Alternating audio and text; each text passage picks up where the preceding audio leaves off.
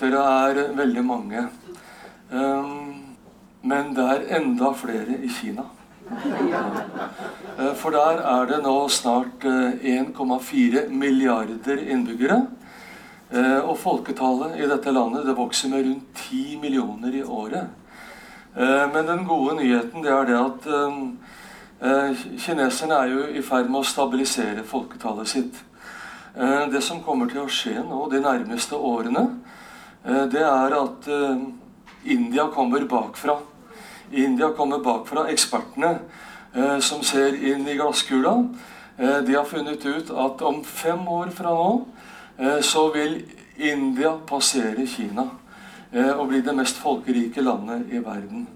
Og altså om fem år da vil vi ha to land der ute i det store Asia Eh, som vil ha rundt 2,8 milliarder innbyggere.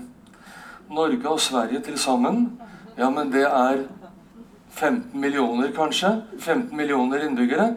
Men der ute to land med 2,8 milliarder. Eh, så dere forstår selv at det er veldig store krefter i sving. Jeg pleier gjerne å si når jeg kommer ut i forsamlinger, da, at eh, Norge må gjerne gå konkurs. Eller kanskje San Marino eller eh, Liechtenstein må gjerne gå konkurs. Det spiller ingen rolle for menneskeheten. Men eh, hvis et land som Kina gjør det, eller India gjør det, da får det store følger for oss alle. Eh, og Sånn sett så er det i vår interesse at et land som eh, Kina går bra. Eh, og hvis det ikke gjør det, eh, ja, men da vil det skvulpe over, og vi vil få merke ringvirkningene. Så jeg tror alle bør være enige om at Kina skal komme. Kina har rett til å komme. Eh, og det eneste som eh, da gjenstår, og man kan diskutere, det er måten som Kina kommer på. Eh, og der er det selvfølgelig mange forskjellige meninger ute og går. Av og til så får jeg spørsmål om hvorfor jeg er så veldig interessert i Kina. Eh, og det kan jeg godt svare på, fordi at i riktig gamle dager Ja, det ene er jo at Kina er så stort og viktig. Men jeg husker i gamle dager jeg gikk på ærverdige Øvre Eiker gymnas. Hokksund. uh, the Station of the Stars. Hokksund, det er The Station of the Stars. Uh, og uh, jeg gikk der, og vi skulle lære verdenshistorie. Men verdenshistorie den gangen, det var europeisk historie. Eh, og det var litt nordamerikansk historie, og det var det. Men jeg var en plageånd i historietimene. Og jeg rokka på han støtt og stadig og spurte læreren min om ja, men hva skjedde der? I Afrika, i Latin-Amerika, i Asia?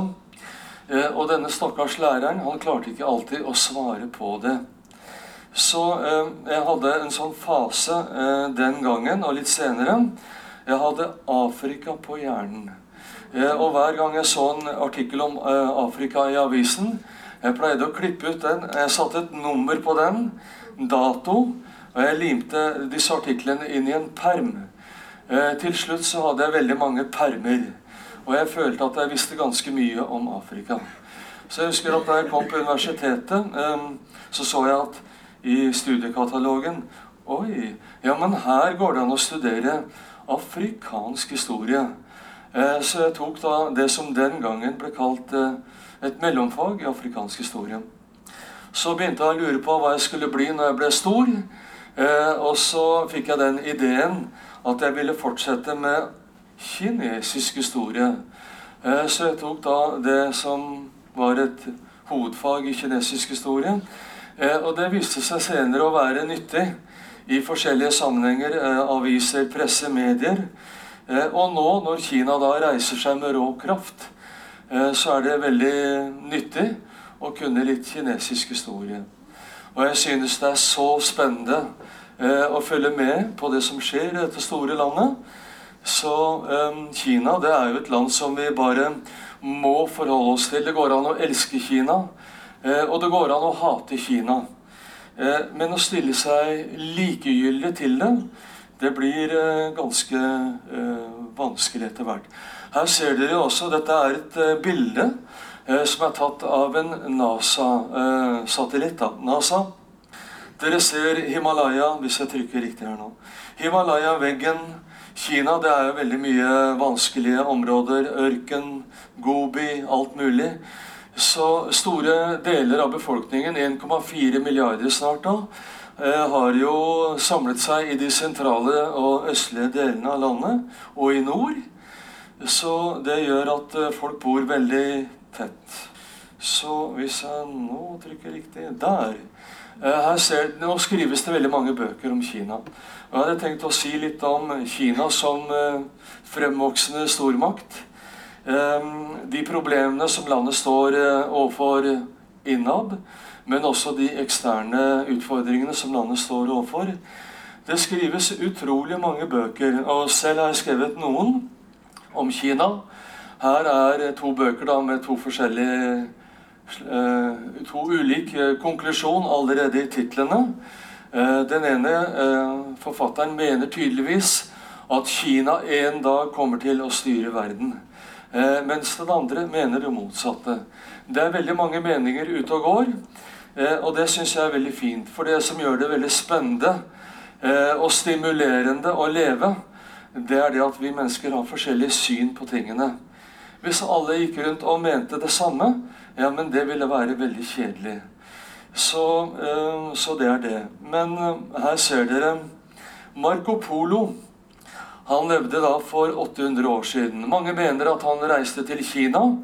Eh, jeg tror at han reiste til Kina. Andre tror ikke det.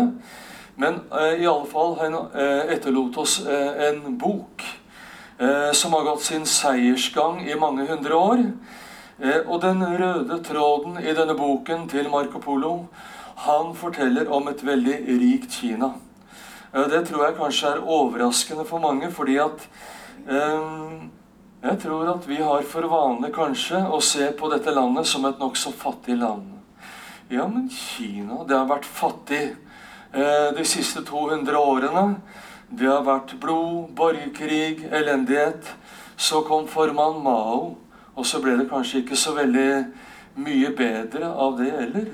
Men det som er interessant, det er at hvis man studerer eh, Kinas historie over et, et langt tidsspenn.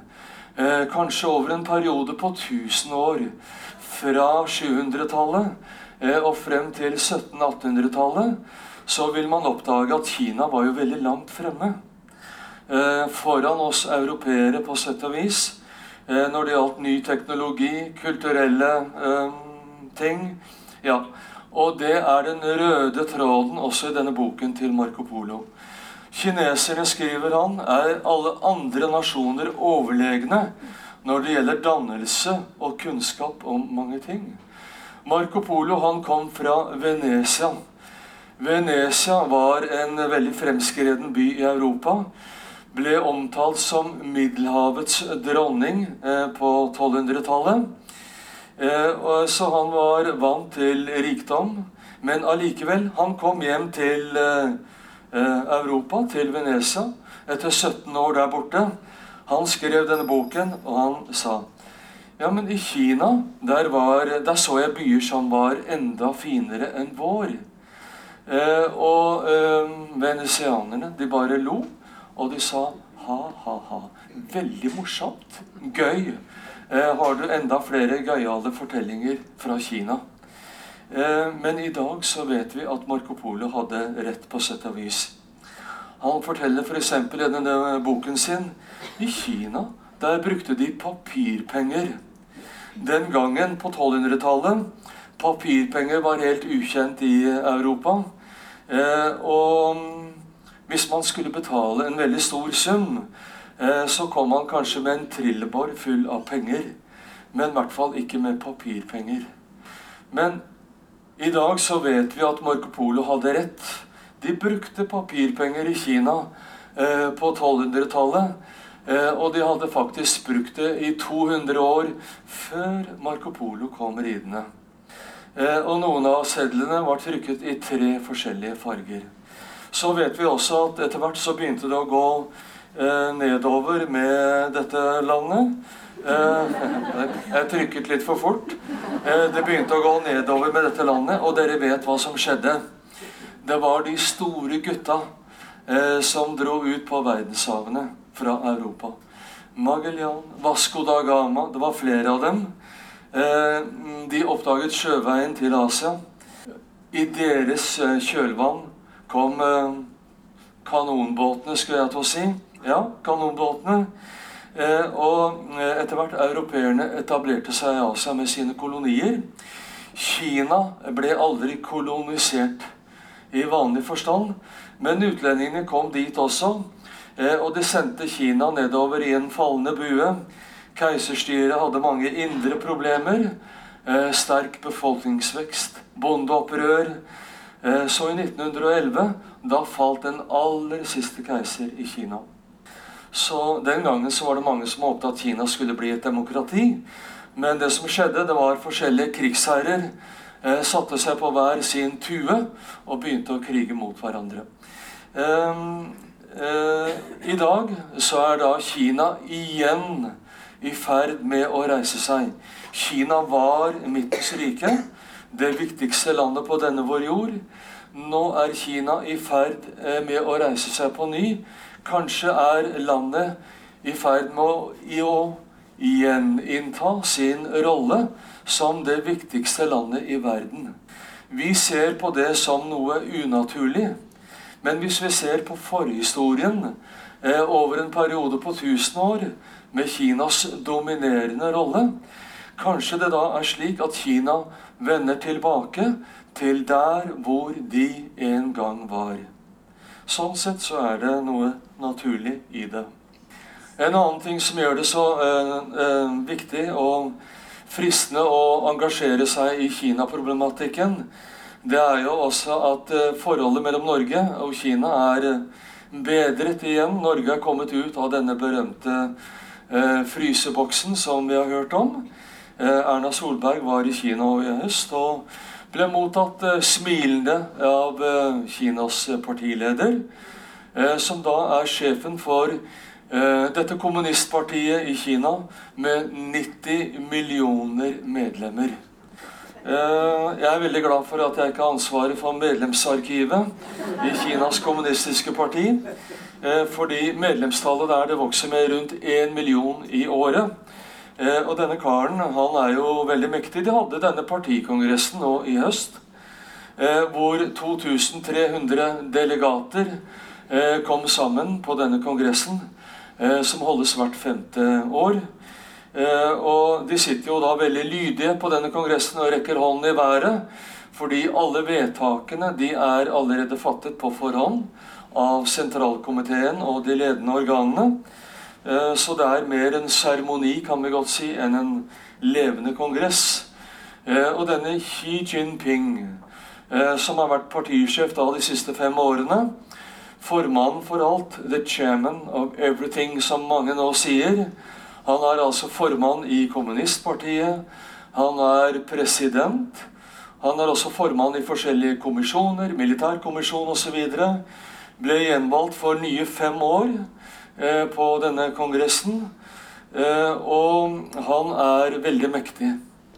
Eh, mange omtaler han som den mektigste mannen i Kina, kanskje siden Maos død i 1976.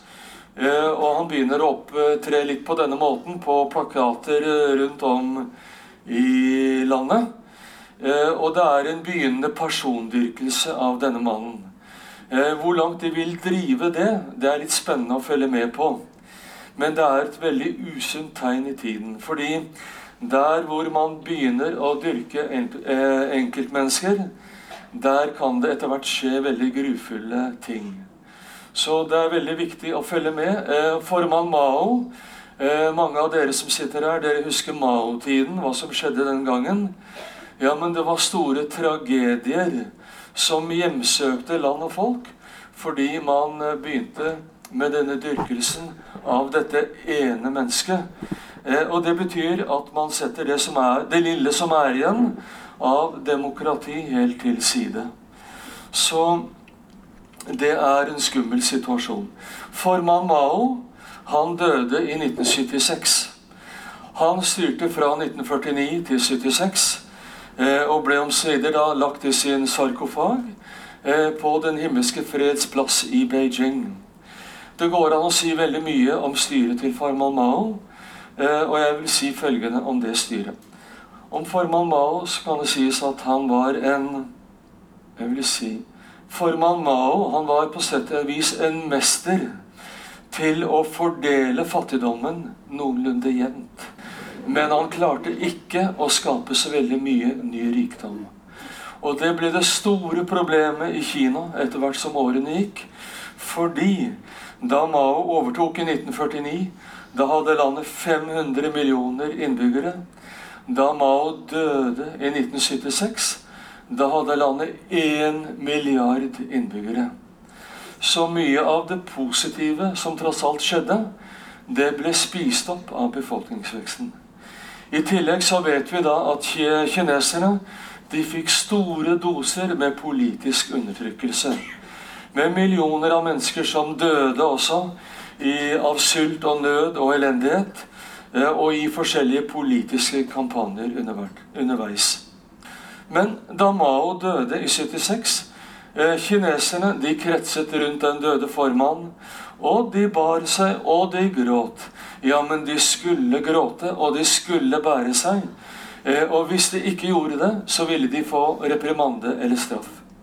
Men innerst inne, veldig mange, de var skuffet. Eh, her ser vi kineserne gå rundt, men de går i de samme posete klærne som 10 eller 15 år tidligere. Men med én viktig forskjell. Det var enda flere lapper på buksebeina og på ermene. I dag så vet vi at kineserne eh, de gikk på den samme risrasjonen i 76 eh, som de gikk på i 1953. De gikk på den samme kjøttrasjonen som i 1954, så det var ikke noe særlig. Så da Mao døde, mange eh, lengtet etter en ny tid og en ny politikk. Og de så frem til disse nye lederne som skulle overta. Og det var denne mannen, da, Deng Xiaoping, Eh, som eh, ledet Kina i mange, mange år. Ble etter hvert sittende i rullestol. Eh, og han hadde jo et slagord. Her ser dere en hvit katt og en svart katt. Og han sa da at det spiller ingen rolle om katten er svart eller hvit, bare den fanger mus. Og med det så mente han å si at det spiller ingen rolle hva slags økonomisk system vi har. Bare det er effektivt, og det gir resultater. Så han sa til sine venner i eh, partiledelsen Kjære partikamerater. Vi må stikke, stikke fingeren ned i jorda og finne ut hvor vi er.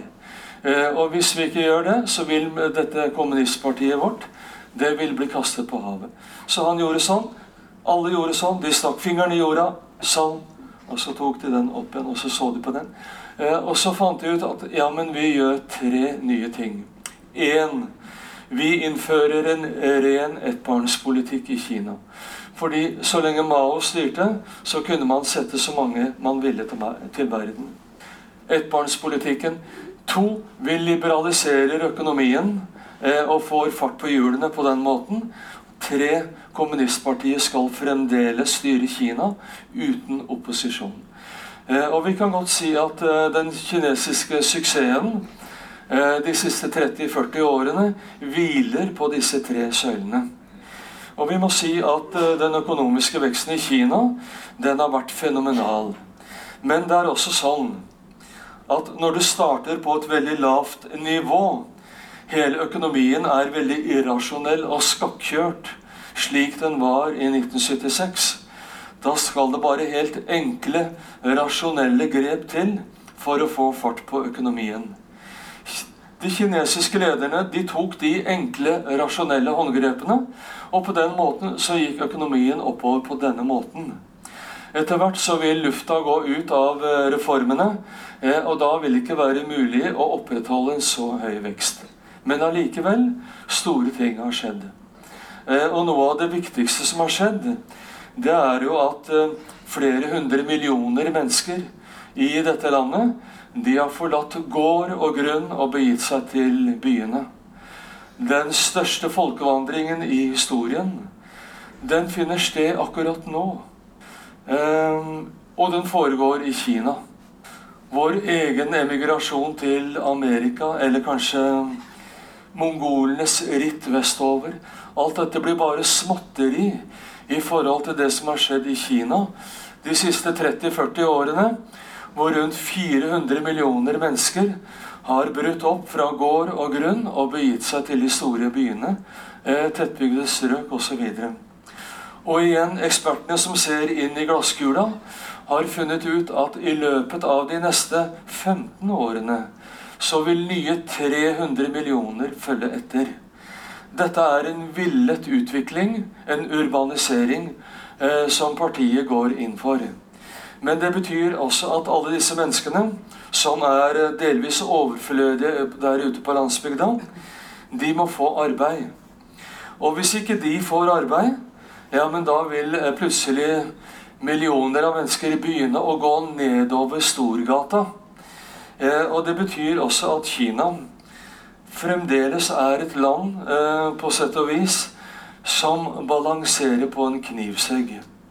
Dere vet hvordan denne berømte knivseggen ser ut. Man må gå sånn, sånn, sånn. Og hvis man er uforsiktig, ja, men da eh, faller man ned på den ene eller den andre siden.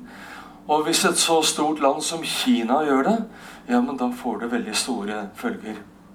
Så eh, hvis jeg i dag drar til Kina Jeg har det veldig travelt. Jeg rasker med meg kartet fra 1990, fordi det er bare det jeg finner. Så sitter jeg på tog eller buss i Kina, reiser gjennom landet. Oi, ja, men her stenger, stemmer ikke kartet med terrenget. På kartet mitt Ja, men det er ingen by akkurat her. Men der ser jeg en by. Den er ny. Eh, og den har tre, fire, fem millioner mennesker. Det har skjedd, eh, det skjer nå i Kina. Nye byer vokser opp over hele landet, og tettbygde strøk. Så her er et eh, modellbilde da, av det nye Shanghai eh, som vokser frem. Mange av dere har vært i Shanghai og eh, i Kina, så det er jo helt fenomenalt, det som skjer. Eh, men det er også problemer. Man ser det når man reiser i Kina at det er forskjellige indre problemer i dette landet som de skal overvinne. Eh, og jeg skal nevne tre av dem for dere. Det ene problemet det er korrupsjon. Eh, og hver gang denne partisjefen i Kina holder en av sine tordentaler Punkt én det er kampen mot korrupsjonen. Og det pågår hele tiden arrestasjoner og rettssaker i Kina mot korrupte pamper på forskjellige nivåer. Men eh, allikevel, man klarer bare å ta eh, en liten del. Fordi denne eh, korrupsjonen i Kina, den er så omseggripende at hvis man skulle ta alle sammen, ja, men det ville ikke gå. Eh, så det er veldig dyrt å være korrupt. Det koster Kina store summer. Eh, og hvor det hele skal ende, det vet man ikke. Eh, det med korrupsjon det er ikke et kinesisk fenomen. Eh, det er jo eh, Mange u-land er veldig hardt rammet, og asiatiske land. Men i Kina, som er i denne fasen, og som skal få orden på økonomien sin, det er veldig skummel utvikling på det området. En annen ting er dette med miljøet. Den kinesiske miljøregningen etter hvert, den vil bli veldig stor. Kina det er et land som fyres opp med kull.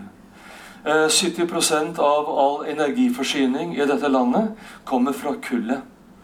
Marco Polo han reiste til Kina på 1200-tallet. og Han skriver i denne boken sin Vet dere hva jeg så i Kina, kjære venesianere? I Kina så jeg kinesere. De brukte noen små, svarte steiner som glødet og avga varme. Og kineserne brukte dem til å fyre opp husene sine med dem. Eh, Marco Polo hadde kommet til kullets land. Og fremdeles så driver kullstøvet over by og land i Kina. Så når man kommer til Kina, særlig da om vinteren, høsten-vinteren, og særlig da i den nordlige delen av landet, hvor det fyres kanskje mer enn i sør Ja, men kullstøvet driver over hele landet, og det er en veldig plage. Så forurensningen av jord, luft, vann i Kina er eh, katastrofal i mange områder av landet. Og regningen etter hvert den vil bli veldig stiv.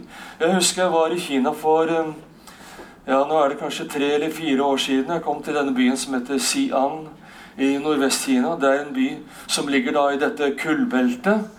Eh, mange av dere har kanskje vært der pga. denne terrakottahæren, dette svære området, eh, med dette store arkeologiske funnet. Men der er eh, innbyggerne også plaget veldig eh, vinterstid av kullfyringen. Og jeg husker da siste dagen jeg skulle ledsages ut til flyplassen av denne kvinnelige guiden min. Hun var kanskje 30 eller 35 år gammel. Og hun hadde med seg den lille sønnen sin på fem eller seks år ut til flyplassen. Eh, og jeg så at han gråt. Han var helt sånn rød i øynene og gråt. Og jeg spurte unnskyld, har det skjedd noe her? Eh, har han falt og slått seg? Hva er det som har skjedd? Så sa hun nei, han har vært eh, sånn helt siden han ble født. Han har omtrent Unnskyld. Han har grått helt siden han ble født. Ja, og hun sa til meg Ja, men du er jammen heldig. Nå skal du gå om bord i dette flyet. Det vil ta deg til Frankfurt, og senere så skal du til Oslo. Men vi som bor i dette landet, vi har absolutt ingen steder å flykte. Se på denne sønnen. Se hvordan han ser ut. Så eh, det ga meg noe å tenke på. Det er altså millioner av mennesker i Kina som lider eh, av disse problemene.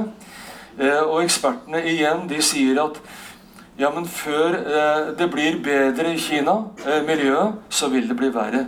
Kanskje fra 2030 og utover eh, så vil det bli bedre. Nå så skjer det mye positivt. Eh, nye energiformer. Sol, vindkraft, havkraft. Alle de nye tingene. Men det vil ta tid å introdusere alt det nye. Og i mellomtiden så vil Kina være avhengig av kull og alt dette. Så eh, det skjer mye i dette landet som er veldig trist. Det som også skjer, det er jo Dere har hørt om den første pol og den andre pol. Men der oppe på verdens tak i Tibet, der ligger den tredje pol. Eh, der begynner isen og snøen å smelte. Eh, og det er skummelt, for der oppe på den tredje pol, der eh, begynner da eh, Der fødes de store og fine elvene i Asia, som gir næring og grøde til flere milliarder mennesker. Det er Mekong, eh, det er Den gule flod, det er Yangtze-kiang, Brahmaputra, Indus Ja, men mange av de store og fine elvene, de fødes der. Men det som skjer nå, den tredje eh, pol begynner å smelte én grad, to grader. Det er nok til at den kommer i ulage. Det som ekspertene sier, det er det at det som kan skje i den første fasen, eh, hvis man ikke får kontroll over utviklingen der oppe, det er at det vil bli altfor mye vann i disse elvene. Det vil være til stor skade for bøndene i Asia, som er avhengig av forutsigbarhet det andre er at det kan bli for lite vann i de eh, samme elvene etter hvert. Og det vil også være til skade for landbruket i Asia. Så for Kina og India, eh, to land som fyres opp på denne måten, det er veldig viktig å få kontroll over det som skjer på miljøsiden. Det tredje store problemet, eller utfordringen, det er den hvite bølge som feier over landet. Eh, den hvite bølge. Altså det blir stadig flere mennesker med grått hår og grått skjegg. Eh, sånn som meg. Og det er Ja, men det kommer av at kineserne de lever lenger nå, bedre helse. Samtidig pga. ettbarnspolitikken så fødes da færre i de bakfra, for å si det på den måten. Det man ser nå, det er at kineserne de får en veldig skjev og gal alderspyramide. Det blir stadig færre yrkesaktive som skal forsørge stadig flere eldre mennesker. Så denne eldreregningen, eh, pensjonistregningen i Kina, den vil også bli veldig stor. Det er litt rart å tenke på at et land med 1,4 milliarder mennesker kan ha knapphet på arbeidskraft i deler av landet, men det er faktisk eh, riktig. I deler av landet så er det knapphet på arbeidskraft. Det som skjer nå pga. mangel på arbeidskraft Altså, arbeidskraften blir dyrere. Når arbeidskraften blir dyrere, da blir varene dyrere. Når varene blir dyrere, da blir det vanskeligere å selge og eksportere. Og Kina har jo basert seg på dette eksportmiraklet eh, i flere tiår nå. Så eh, hvordan vil det slå ut på sikt? Eh, Pga. denne skjeve aldersfordelingen i Kina? Vi vet ikke helt. Men det vi vet, det er at det er flere andre land i Asia som nå ligger i startgropa. India, Bangladesh, Myanmar, eh, Vietnam, Kambodsja osv. Det er flere av dem. Billigland. land, de, er, de har mange mennesker. Arbeidskraft nok. Og de er mer enn villige til å overta eh, litt av den rollen som Kina har spilt i de senere år. Så eh, det blir en veldig stor utfordring på, for Kina på det området også. Tre svære regninger som skal betales etter hvert. Um, det som holder Kina sammen i dag, det er jo da kommunistpartiet. Eh, som er det store limet, vil jeg si, i Kina i dag. Eh, men også denne mannen, som eh, kommunistpartiet pusser støv av. Mao er død, og han kommer aldri mer til å reise seg fra sin sarkofag på Den himmelske freds plass. Men denne mannen, han lever på sett og vis fremdeles. Konfusius Eh, levde for 2500 år siden. Men mange av de budene som han eh, eh, sto for, de er som skrevet inn i ryggmargen til mange kinesere fremdeles. Mye av dette går på lydighet. Konfusius var veldig opptatt av at kineserne skulle finne sin plass i et hierarki. Man skulle adlyde øvrigheten, keiseren kanskje på toppen, eh, godseierne, føydalherrene osv. nedover. De skulle adlyde. Ja, men øvrigheten i dagens Kina, det er tilfeldigvis kommunistpartiet.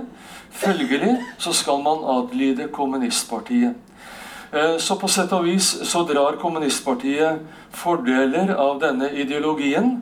Og man ser da at partiet i Kina det er travelt opptatt av å børste støvet Eh, av eh, de gamle Konfusius-templene rundt omkring i landet.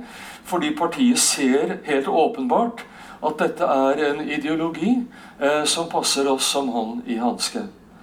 Så, så, det. Um, så ja, dette er vel et bilde som kanskje er tatt for 100 år siden, eller mer enn det. Og som gjenspeiler da litt av denne lydighetstenkningen uh, som gjelder i Kina. Men jeg må jo ta den reservasjonen at Kina også uh, opp gjennom århundrene har hatt mange, mange opprør. Så uh, når forholdene blir ille nok, når de sosiale realitetene blir ille nok, de overstyrer gjerne alt annet. Det ser man både i Kina og i andre land. Jeg skal si litt om Kinas forhold til verden. Kina det er altså verdens største fabrikkgulv. Dere skal tenke dere Kina som en fabrikk. Eh, og det er et eh, gulv som skal vokse. Ja, men hvis du skal eh, drifte verdens største fabrikk, den vil være avhengig av råvarer. Den eneste råvaren som Kina har nok av, det er kull. Alle andre råvarer, enten det er trevirke, tropisk tømmer, mineraler, eh, olje, gass Kina må ut i verden for å skaffe eh, alle disse ressursene. Så det man nå ser i denne fasen, det er at de kinesiske lederne er veldig travelt opptatt av å posisjonere seg i forhold til de store råvaretilgangene i verden. Og de sender sine folk i alle himmelretninger til Australia, Indonesia, til Afrika, eh, Latin-Amerika, overalt. Og de er veldig opptatt av å inngå langsiktige avtaler og kontrakter og, og, og eh, etablere relasjoner. Eh, så f.eks. Afrika er veldig viktig i denne store kinesiske planen. Eh, og vi ser da Dette er den kinesiske partisjefen på tur i Afrika. Og barn er sendt ut i gatene for å hilse kinesiske ledere velkommen. Og i det hele tatt Dette skjer eh, i det ene landet etter det andre i Afrika. Eh, og det er kanskje en fare for at Kina nesten umerkelig vil gli inn i en imperialistisk rolle. Jeg mener ikke å si at Kina vil etablere kolonier. Eh, den tiden er forbi. Men det er en fare for at Kina, det landet som lenge hadde nok med seg selv, gradvis, nesten umerkelig, skal gli inn i en imperialistisk rolle. Drive med ting under bordet, bak forhengene. Bestikke korrupte eh, presidenter og ledere. Og drive sitt eget spill på en måte som kan minne litt om gammel imperialistisk eh, taktikk. Så eh, dermed så faller det naturlig for enkelte å lage slike eh, tegninger. Um, det man eh, ser, det er jo også at kineserne er veldig opptatt av å bygge infrastruktur i Afrika. Ja, men skal du få tropisk tømmer eller mineraler eller andre ting ut, ja, da er du avhengig av eh, gode jernbaner, gode havner, alt dette. Så eh, nå er Kina veldig opptatt av nettopp det. Hva som kommer senere, det gjenstår å se. Men det som eh, jeg tror er viktig, akkurat som vi må ha Eh, Russland under observasjon til enhver tid. USA under observasjon. På samme måte så må vi ha Kina under observasjon. Vi må være kritiske. Og selv om Kina sier det og det, og alt høres veldig tilforlatelig og greit ut, det er vår plikt å være kritiske. Særlig hvis vi er akademikere og intellektuelle. Det er vår plikt å være kritiske og, og se hva som skjer bak eh, de pene ordene til enhver tid. Ja, og Det man også legger merke til, er jo det at eh, i en fase hvor Kina da blir mer og mer aktivt på den internasjonale arena og posisjonerer seg i forhold til disse råvareressursene, så eh, eh, blir det også viktig eh, å etablere en marine for, for Kina som kan på en måte demonstrere i økende grad Kinas makt ute på de store havene. Før den kinesiske marinen den var veldig liten og beskjeden. I de senere år Kinas eh, forsvarsbudsjett har økt med 10-15% i året. Eh, og den våpengrenen som får mest, det er eh, marinen. Så de store kinesiske fartøyene de drar lenger og lenger ut på de store havene. Det indiske hav. Det gjelder å vise at Kina er en kommende supermakt. Eh, og mange er redde for det som skjer. Så det som følgende er at eh, land som India f.eks. da også blir veldig besatt av tanken på å ruste opp fordi Kina gjør det så ser vi at Kina går i spissen med et veldig dårlig eksempel, etter min mening, i Sør-Kina-havet. Eh, dere har hørt om eh, denne striden om eierskapet til eh, Sør-Kina-havet. Her er Kina, her er forskjellige land. Her er Thailand, Kambodsja, Vietnam, Malaysia, Indonesia, Filippinene. Men her ute er Sør-Kina-havet. Det er et kjempesvært eh, område. Eh, hvis Kina hadde fulgt eh, havretten Eh, så ville ikke dette ha vært noe problem. Eh, og for halvannet år siden, denne domstolen i Haag eh, avsa en kjennelse etter at Filippinene trakk Kina for domstolen i Haag. Og domstolen sa det og det. Kina har ikke rett på noe punkt. Det sa denne domstolen. Fordi kineserne, de kinesiske lederne, de gjør krav på hele ja, på 85% kan vi godt si, av Sør-Kina-havet, basert på det som de kaller for historiske rettigheter. De finner kanskje potteskår fra Ming-dynastiet på en eller annen fjern øy som ligger i fjæresteinene oppunder uh, Indonesia. Ja, men det er nok uh, for Kina til å si at ja, men det er historiske rettigheter. Vi, vi var der først, liksom. Men eh, også der burde havretten gjelde. Eh, men de blåser da i internasjonal rett og domstolen i Haag og kjører sitt eget løp. Det er et veldig dårlig signal eh, med tanke på at Kina bare er i en startfase eh, av en lang og krevende utvikling. Så når, de, når de på en måte ser bort fra lov og rett allerede i dag, hva da om fem år, ti år, 15 år?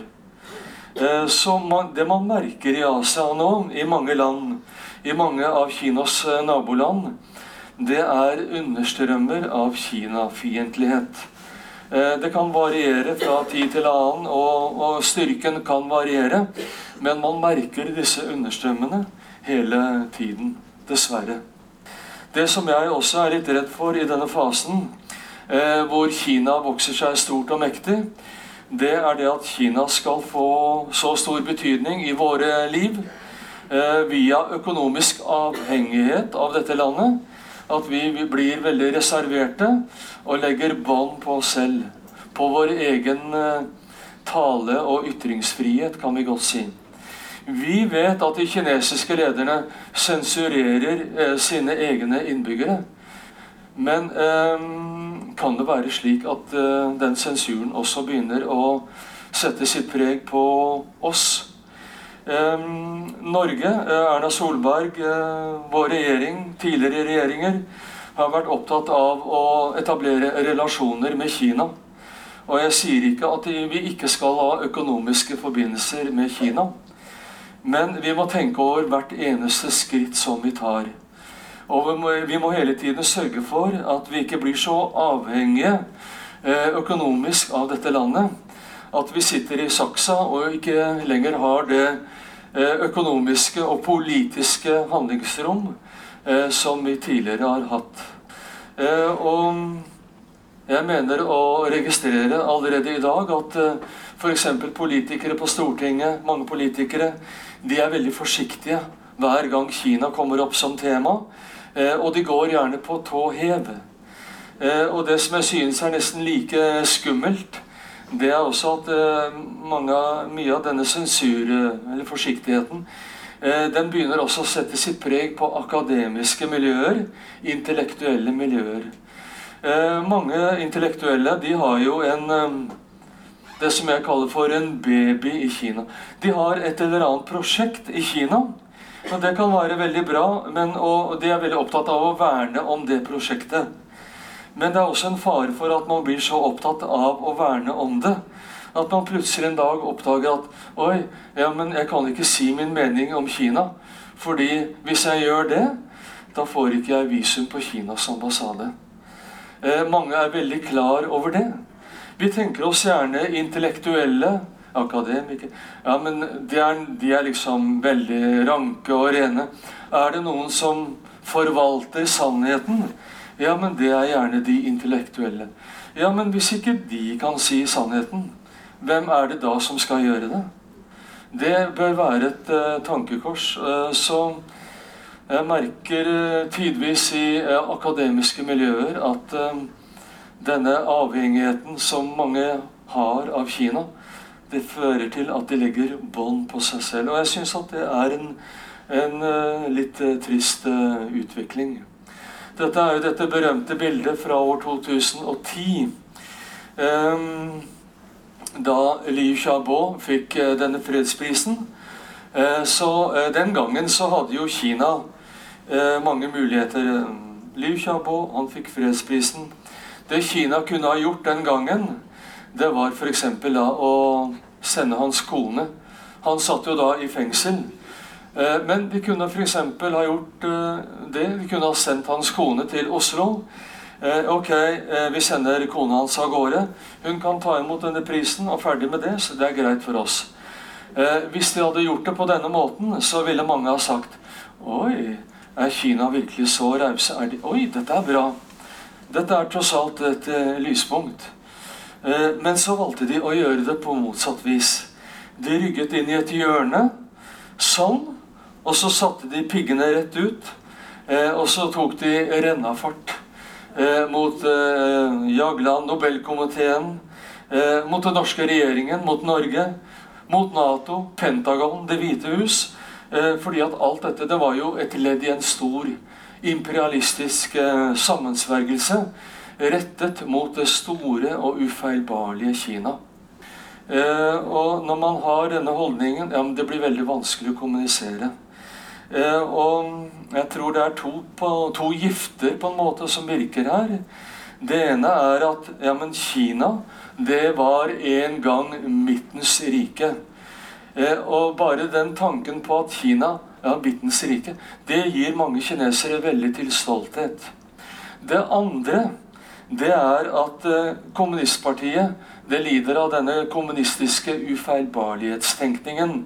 Vi kommunister vi har alltid rett. Vi kan ikke ta feil.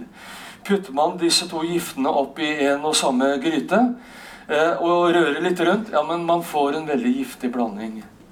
Så det som eh, har skjedd senere, det kjenner dere til. Denne Li Xiaobo, han er død nå. Eh, og eh, de kinesiske lederne de var veldig engstelige fordi ja, men eh, hvordan skal vi gjøre det nå? Skal han få en, en, sin egen grav? Nei, de kunne ikke gi han en egen grav. For da har plutselig hans tilhenger et sted å gå til. Så de valgte å gjøre det på denne måten. Han ble kremert. Og hans kone fikk da lov til å senke denne urnen ut i havet. Eh, så han hviler nå da der ute i Kinahavet. Saken er den at de kinesiske lederne de er veldig redde for de små gnistene eh, som de hele tiden ser der ute i dette landskapet, og som kan tenkes å antenne branner. Utad så kan de se veldig mektige og um, ja, sterke ut, men på hjemmebane så ser man hele tiden at de er redde for de små gnistene. Fordi alle vet at en liten gnist kan antenne en stor brann. Så det er denne dobbeltheten som gjør det også veldig spennende og interessant eh, å forholde seg til eh, Kina. Og jeg har på mine reiser rundt om i Kina sett veldig mange små tilløp til opprør eh, rundt omkring. For noen år siden eh, jeg på biltur eh, i, i, Kina sammen med guiden min eh, og tolken min, sjåfør. Vi var midt i tjukkeste Kina, i Hunan-provinsen. Jeg satt og så på kartet. Oi, ja, men nå er jeg bare ti mil unna hjemlandsbyen til formann Mao. Der hvor Mao ble født i 1893. Så jeg sa til sjåføren nå tar vi en U-sving, og så kjører vi til eh, landsbyen da hvor Mao ble født. Og vi kom til dette stedet. Der var det flagg og faner. Eh, og noen sto på trappa til Mao og deklamerte Mao-dikt. Eh, og det kom eh, arbeidsfolk og bønder i busser. Busslaster de, de knelte. Giktbrudne bønder knelte foran svære statuer av Mao på røde silkeputer. Og de ba til Mao som om han skulle være en gud som skulle frelse dem for alle plager og lidelser på denne jord. Så der var eh, Mao-stemningen veldig sterk. Så eh, Neste dag så skulle vi ut av byen, og da kjørte vi en litt annen vei. Etter seks eller sju kilometer eh, så kom vi da til et svært eh, veikryss. Eh, der sto det kanskje 1000-1500 kinesiske bønder med knyttnever, bannere, og de ropte død og fordervelse over partipampene, som sugde dem på skatter og avgifter og alt mulig. Og da sa denne sjåføren, eller tolken min han sa det at sånne ting ser vi rundt omkring i Kina hele tiden. Men dere journalister som bor i Beijing, dere vet ikke hva som skjer. Fordi så lenge man er i Beijing eller Shanghai, ja, men man ser det ikke. Eh, så da har jeg lyst til å komme inn på et poeng som jeg var inne på i dag morges. Eh, da jeg også holdt et lite foredrag. Eh, veldig mange reiser til Kina. De drar til Beijing og til Shanghai. Og selv journalistene de drar til redaktøren, og så sier de Kjære redaktør, jeg har så veldig lyst til å dra til Kina. Og redaktøren eh, ser da skjevt i regnskapene sine. Og så Ok, du skal få lov til å dra, men du må komme hjem etter ti dager. Så journalisten drar veldig lykkelig av gårde, og han eller hun eh, drar gjerne til Beijing og Shanghai. Og alle kommer hjem og skriver nesten likelydende reportasjer eh, fra Kina. Og skyskraperne er med i alle fortellingene, eh, og alt er veldig fint og flott. Eh, og som jeg sa i dag morges Du kan eh, f.eks. i Beijing eh, Du kan sette deg på Starbucks kafé. Eh, og så kan du bestille din caffè latte. Eh, og du kan sitte der ved vinduet, og så kan du sitte og se på disse fantastiske eh, skyskraperne som sprenger seg gjennom skydekket. Eh, og der ute på gaten, der tripper de nydeligste kinesiske kvinner forbi i aller siste mote. Eh, og hvis du ikke visste bedre, så kunne du tro at du var på Ginza i Tokyo, på Manhattan, i London eller i Paris. Men du er i Beijing. Men du skal bare ta bil eller buss en eller to timer ut av byen.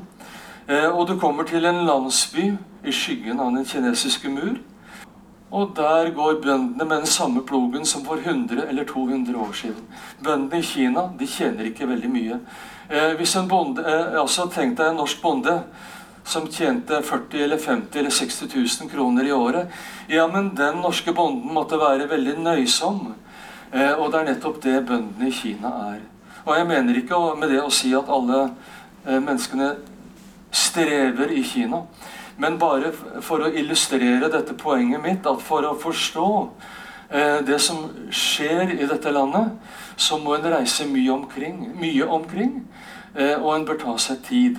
Og det er veldig viktig uh, å komme bort fra de store byene, sånn som Beijing og Shanghai og enkelte andre. Så nå er det jul, og det slår meg at det er en veldig sterk religiøsitet mange steder rundt om i Kina. Uh, det uh, sies ikke så veldig mye om det. Skrives kanskje ikke så veldig mye om det. Men faktum er jo at kinesere lever i en urolig tid. Det er veldig mye materialisme.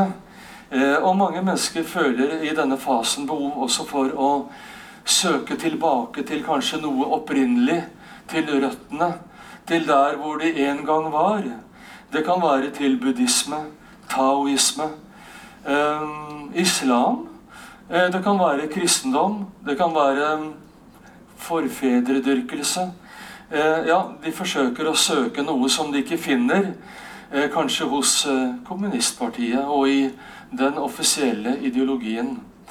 Eh, og for eh, ikke lenge siden Jeg var da i Kina. Eh, og bodde da i Beijing, ikke langt fra kommunistpartiets hovedkvarter. og på den andre siden av gaten der ligger da den store katolske katedralen i Beijing, som heter Beitang. Beitang. Der er det plass til 2000 mennesker. Det var søndag morgen. Jeg lå der og sov. Klokken var fem. Plutselig så begynte klokken å ringe. Eh, og denne kirke, disse klokkene de skar seg inn i øret mitt. Og jeg snudde meg irritert i senga og tenkte jeg skulle sove videre. Eh, så ble det stille etter en stund. Men klokka seks de begynte å ringe én gang til. Så jeg tenkte If you can't beat them, join them. Eh, så jeg sto opp eh, og jeg tok på meg klærne. Og så dro jeg bort til Beitang Eh, den første gudstjenesten skulle være klokka sju om morgenen. Eh, og jeg kom dit kvart på sju. Det var ikke én eneste plass å oppdrive. Det var 2000 mennesker der inne. Eh, og det var mange mennesker. Jeg sto og klamret meg til en rød søyle ute på plassen der. Gudstjenesten var fra sju til åtte. Så ble kirken tømt. Klokken ni nye 2000. Klokken elleve nye 2000. Eh, klokken 13 nye 2000 osv. Så sånn fortsatte kirkesøndagen. Eh, og i Beijing så er det også 16 store protestantiske kirker som er i virksomhet. Eh, nå også i forbindelse med jula.